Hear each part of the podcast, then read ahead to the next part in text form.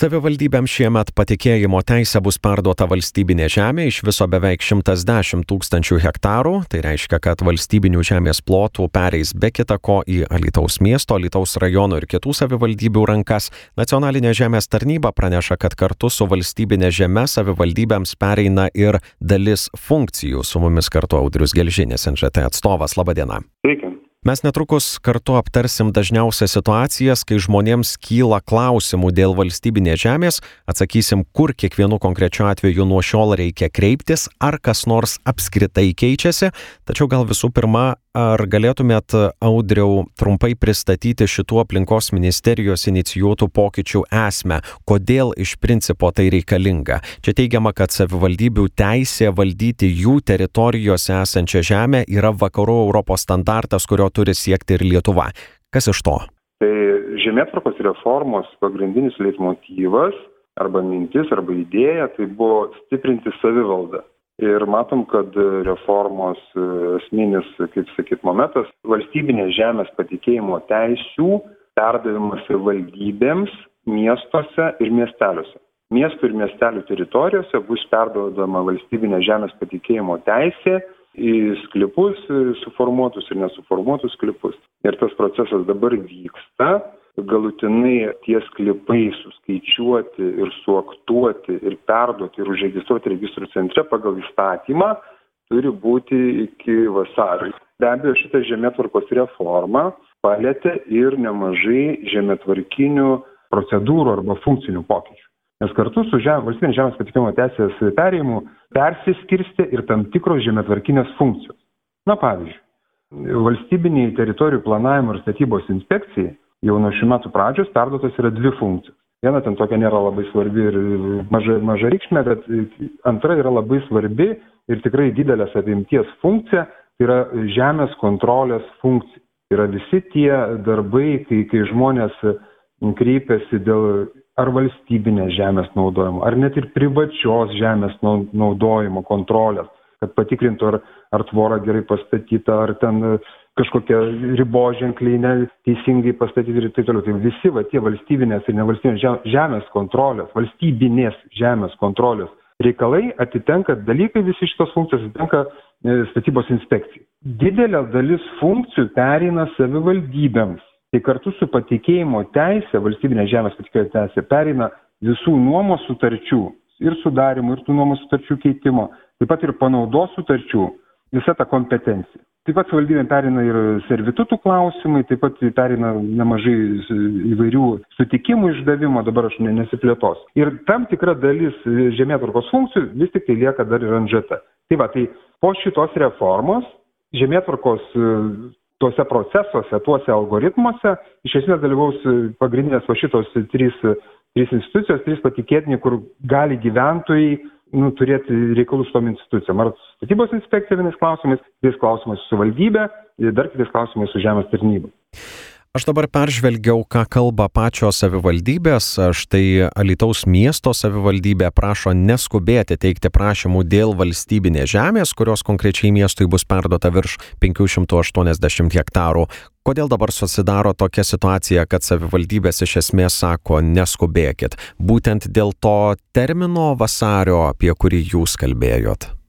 O žinok, nežinau, šitos informacijos reiktų klausti tikrai savivaldybės, savivaldybių atstovų apie jų, jų šitos e, lūkesčius ar pageidavimus. Tikrai nežinau, bet e, be abejo procesas yra, kaip sakyti, jis turi savo tam tikrus logiškus etapus. Mhm. Dabar iki sausio pirmos yra priimti tam tikri teisės aktai.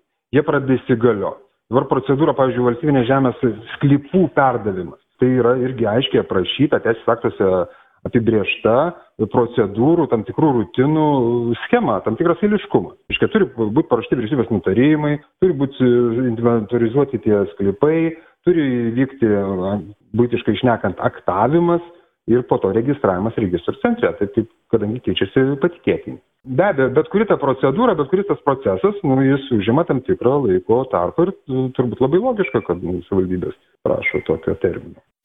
Tai galima sakyti, kad žemėtvarkos paslaugas teiks nuo šiol trys institucijos, teisingai? Nu, tam tikrą prasme, taip. Iš esmės, reiškia, vat, galima sakyti, tokia stambiausia grupė, tai yra, kad valstybinė žemės nuoma ir panauda kaip funkcija, sprendimai dėl nuomos ar panaudos sutarčių sudarimo ar keitimo atitenka savivaldos kompetencijai. Paskui e, teiks kontrolės paslaugas, bet valstybinės žemės pardavimo arba nusibės atkūrimo vis tik tai lieka NŽT.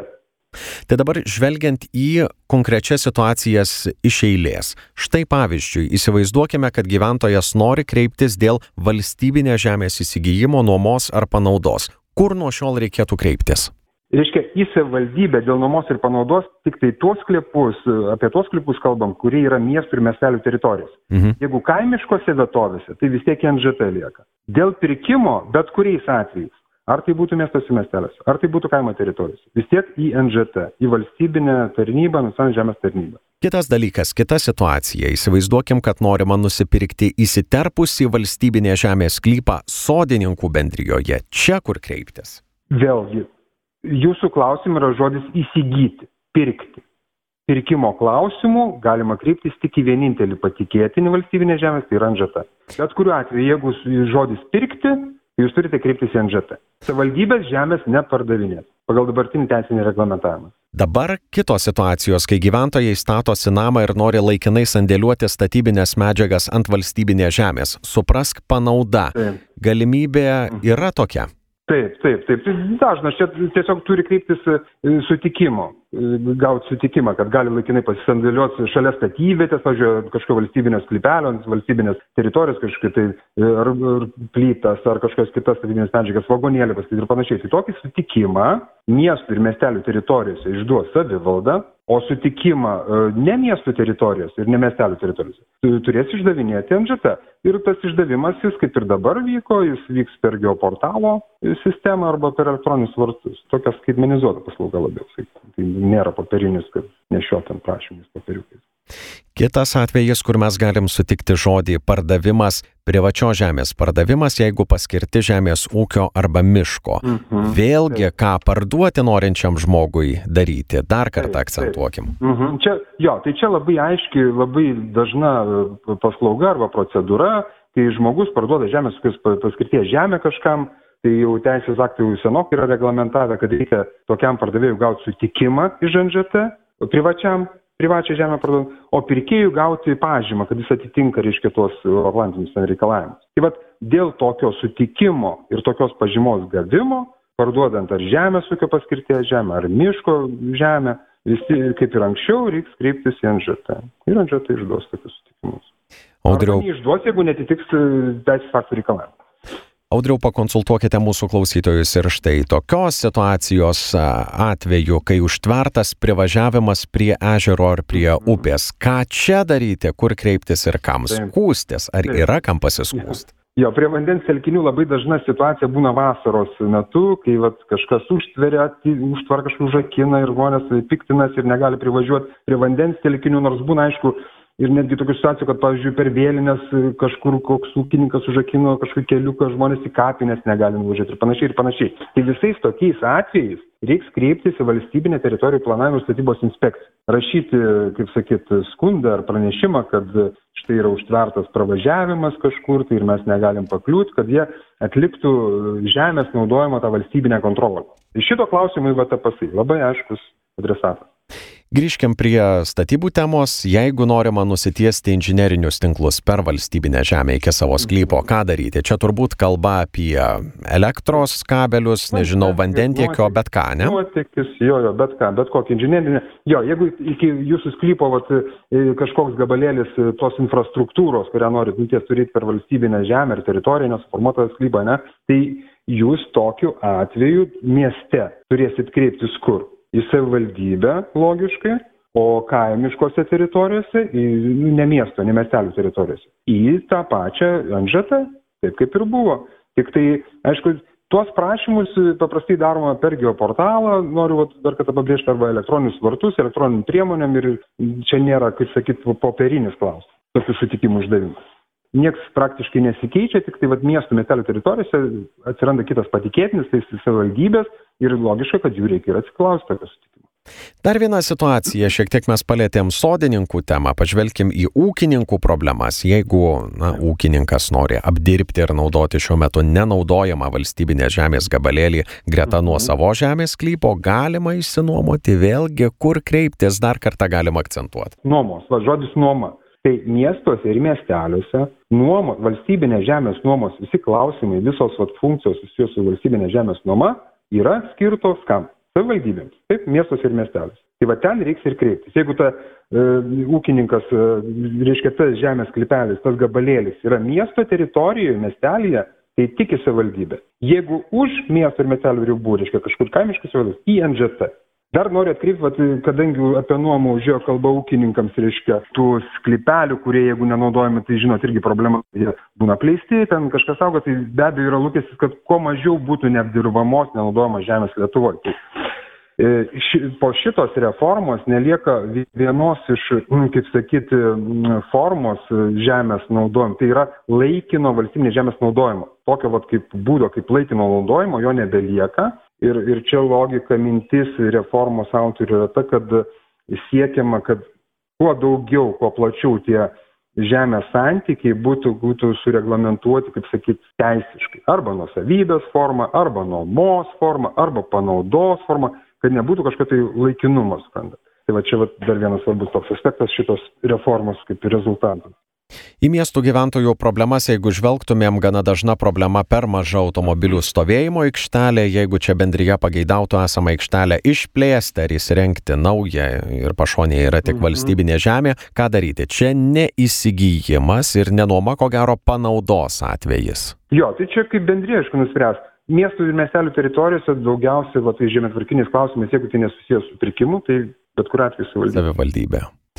Dar turbūt nacionalinės žemės tarnybos darbuotojai susiduria su tokia situacija, kai kaimynai užgrobia dalį nuo savo žemės, pasistato tvorą ant nuo savo žemės. Čia ką daryti? Lygiai tas pats statybų inspekcijos, ko gero atvejis, kaip ir užtverti privažiavimai prie ežerų, upių ir taip toliau, ne? Taip, taip, taip, jūs teisus, visiškai teisus, tai va, pasai kompetencijos klausimus. Jo ir tas va, tvorų pastatymas ar ginčiai tarp kaimynų dėl ribos, vienokios ar kitokios, tikrai gan dažnas ir, ir teismuose matom visokių ir spaudoj tų istorijų girdimą.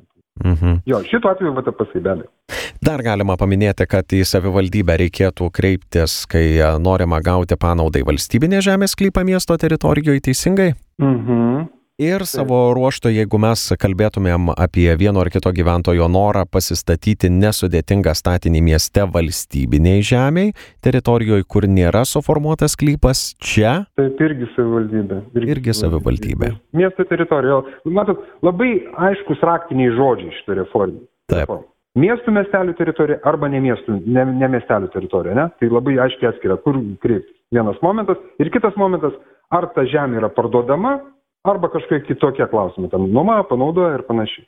Tai kaip pardavimas, tai vi, vienareikšmiškai NŽT, panauda, nuoma, ten ir kiti klausimai į savivaldybę. Tie keli raktiniai žodžiai labai aiškiai, kaip sakyt, struktūrizuoja tas visas žemėtvarkinės procedūras ir tuos adresatus, kur, pas ką, dėl ko kreiptis. Gal aišku, iš pradžių bus kažkiek sudėtinga, bet manau, ilgainiui tai nusistovės ir taps įprasta praktika. Na, aš tikiuosi, kad mūsų klausytojams bent šiek tiek bus aiškiau suprasti, kasgi keičiasi nuo naujųjų metų ir ką šita reforma, kokius pokyčius atneša, o jūs savo ruoštų kaip nacionalinės žemės tarnybos atstovai, ko tikitės? Ar tikitės daugiau gyventojų užklausų tokiais klausimais sausio, turbūt ir vasario mėnesiais, ar, na, tikitės, kad daugmaž viskas visiems e, aišku jau dabar? Tikėtina, kad e, be abejo labai natūralu, kad iš pradžių galbūt bus kažkokių tai nesusipratimų arba nežinojimo. Tai labai natūralu bet kuriuo atveju žemės, žemės tarnyba, jeigu į mus kreipsis ne, ne mūsų kompetencijos klausimų, be abejo, mes nukreipsim ten, kur, kur tinkama, kur iš tikrųjų reiktų kreiptis. Taip pat labai tiki, tikimės, kad ir kiti valstybės žemės patikėtiniai, tos pačios savivaldybės, jeigu jos kreipsis tuo klausimu, kur, kur kompetencija yra ne jų, o, o tarkim mūsų, jie nukreips pas mus ir kad visas tas procesas geranoriškai, dalykiškai, ramiu tonu, po truputį, po truputį susi, susigulės ir taps įprastas ir natūralus. O NŽT ko gero, besiruoždama jau šitai reformai, pokyčiams ir galimam didesniam interesantų srautui, ko gero sustiprino skambučių centro pajėgumus ar panašiai, kad nereikėtų ilgai laukti skambučių. Jūs apie tai kažkiek nu, projektavot, jo, kad gali taip atsitikti?